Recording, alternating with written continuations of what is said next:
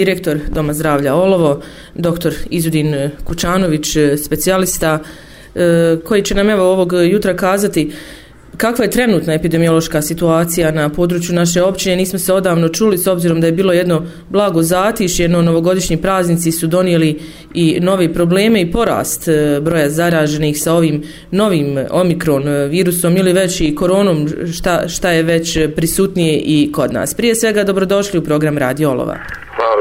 Mira, Amira. Bolje vas našao.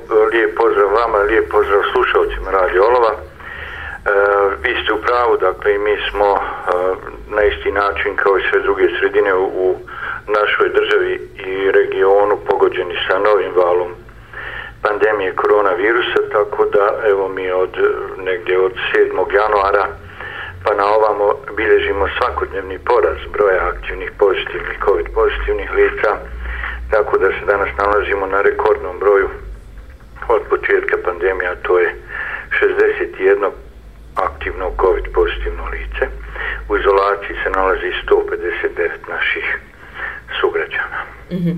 Recite nam evo, s obzirom da sam evo juče slušala e, Gorana Čerkeza e, koji ne je najavio da su usvojene, u stvari on je već predložio, ne znam, još uvijek vlada nije zasjedala, da li su usvojene ova skraćeni broj dana u izolaciji? Slušao sam ja uvaženog kolegu e, Čerkeza, e, da to je prijedlog e, federalnog kriznog štaba, mhm. da bi mjere zaživjele u praksi potrebno je da ih usvoji vlada federacije, onda da ih spusti na kantone. Nakon toga svi kantonalni krizni štabovi razmatraju te mjere, imaju pravo po propisima važećim donositi strožije mjere, onda oni predlažu kantonalnim vladama, pa kantonalne vlade donose te mjere, a onda nama dolaze na izvršenje. Prema tome ima još vremena dok te mjere zažive. E. Mislim da mi imamo prećih e, stvari o kojima trebamo misliti, a to je da poštujemo već do sada preporučene mjere, da e, držimo distancu, da e, se dezinficiramo, da nosimo maske koje, evo vidite sami, već odavno niko ne nosi i kao rezultat takvog nepoštivanja postojećih mjera imamo ove valove, nove valove ovaj pandemije koji nažalost ugrožavaju i živote i zdravlje i privredu i e, funkcionisanje društva na svaki način. Nisam vas upratila na početku, jeste li mi kazali je li imamo pacijenata na kliničkom centru u Sarajevu? kliničkom centru trenutno COVID e, pozitivnih lica imamo dvoje jel, e, kakva je njihova klinička slika, ako nam možete otkriti? Neki od njih su već duže vremena uh -huh. i očekujemo da, evo da će to biti dobro. Vi znate i to smo već bezbroj puta rekli u vašem programu da je COVID infekcija jedna nepredvidiva, dakle nepredvidiva infekcija da se pogoršanja mogu desiti unutar sat, unutar dva, drastična, dramatična pogoršanja, tako da prognozirati kako će neka COVID infekcija završiti je vrlo nezahvalno. Evo, nam još kazati kakva je trenutna situacija kada je riječ o vakcinaciji na području naše općine, koliko imamo vakcinisanih, revakcinisanih? Mi smo do današnjeg dana na teritoriji naše općine dali e, 7495 doza vakcine protiv COVID-19. Od toga je prvom dozom vakcinisano 3596 lica, drugom dozom 3510 i sa trećom dozom 389 mm -hmm. naših sugrađana. Danas planiramo vakcinaciju u petak, ponovo planiramo vakcinaciju tu ćemo evo dati nekih, otprilike nekih 60-ak po onome što imamo jutros na sastanku na spiskovima ljudi koji su zainteresovani za vakcinaciju, tako da će taj broj ukupno dati do, doza na području naše općine prijeći. 8000. 8000. Dakle, da. e, uspješno je dakle, proces vakcinacije. Može to i bolje. Kamo sreće da je to i bolje i kamo sreće da su nas svi slušali od početka pa da smo dočekali i ovaj val sa, sa, sa onim što smo željeli, to je da, da bar preko 50% imamo vakcinisanih ljudi, odnosno da imamo nekih 70% bilo bi idealno, međutim nije se to desilo svi imaju neke svoje razloge zbog kojih oni koji nisu došli na vakcinu zbog razloge zbog kojih nisu došli mi nemamo pravo da nikoga prisiljavamo na. Da, da. Ne znam da li ste radili kakvu analizu koliko je među e, vakcinisanim, odnosno nevakcinisanim e, bilo težih e, slučajeva? E, dominantno teži slučajevi su nevakcinisani.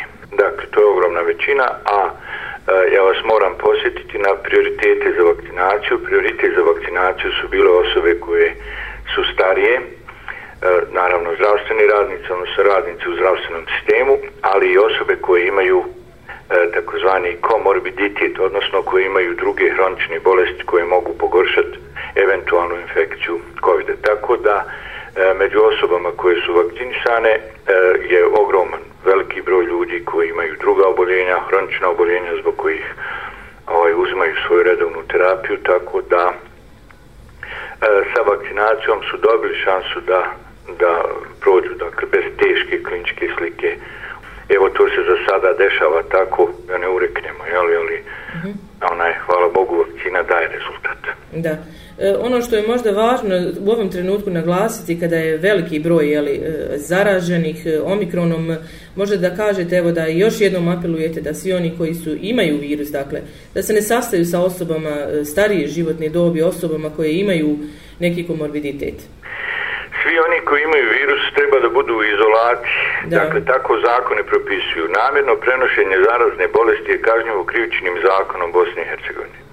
Prema tome, oni koji to do sada nisu shvatili, mislim da, evo, mi ćemo ponovo apelovati, pozvati, zamoliti ljude da se uozbilje, da se počnemo ponašati odgovorno i prema sebi i prema starim našim sugrađanima, posebno prema članovima obitelji, ali onaj, e, ko to do sad nije shvatio, teško da ću i od ovog našeg današnjeg razgovora bilo šta novo usvojiti u svojim znanjima, ali evo, Dakle, oni koji imaju simptome treba da se samo izoluju, da se obrate svome ljekaru. Evo sad imamo i prije neki dan smo se čuli pa smo vam i dali, evo sad imamo i tu prohodnost u, u smislu telefonske uh mhm. -huh. komunikacije sa poručnim ljekarima i svim drugim službama, dakle imamo 30 vanjskih linija iz doma zdravlja, sad dakle nemoguće je da se, da se ne može sad dobiti uh mhm. -huh. ljekar ili neko od, od osoblja ko nam je potreban, dakle da svi koji dobiju simptome da se obrate telefonski svome ljekaru, da se iskonsultuju i da se dogovori o narednim koracima zavisno od težine kliničke slike i simptoma koje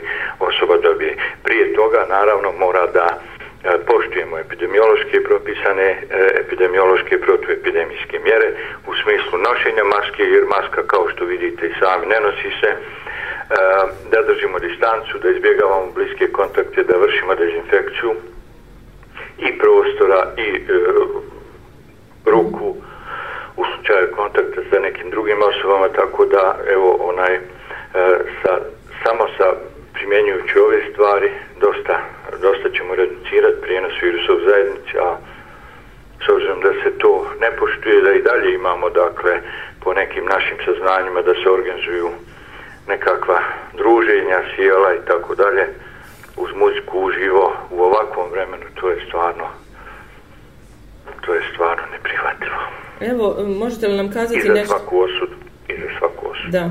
Da, u ovim e, trenucima e, i škola je odgođena e, u osnovnim i srednjim dakle, školama, krizni štab Zeničko-Dobojskog kantona je tako odlučio tokom ove sedmice jel, da ostanu kod svojih kuća učenici i nastavnici zbog velikog broja zaraženih i među njima. Imate li informaciju da li bi se jel, mogla nastaviti škola jer čini mi se da su najavili dr. Adnan Ljupić da bi mogla čak opet biti odgođena u ponedeljak?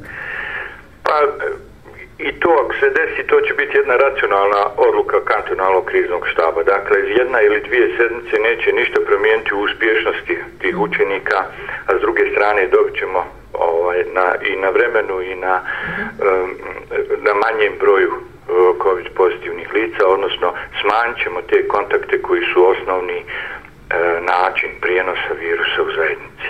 Tako da Ja nemam informacije, naravno to je u nadležnosti kantonalnog kriznog štaba i uh, ja uh, imam apsolutno povjerenje da će kantonalni krizni štab donijeti odluku koja je u najboljem interesu i za učenike i za uh, druge ovaj, sudionike u nastavnom procesu. Da, imat ćemo tu informaciju vjerovatno krajem sedmice iz e, kantonalnog kriznog e, štaba.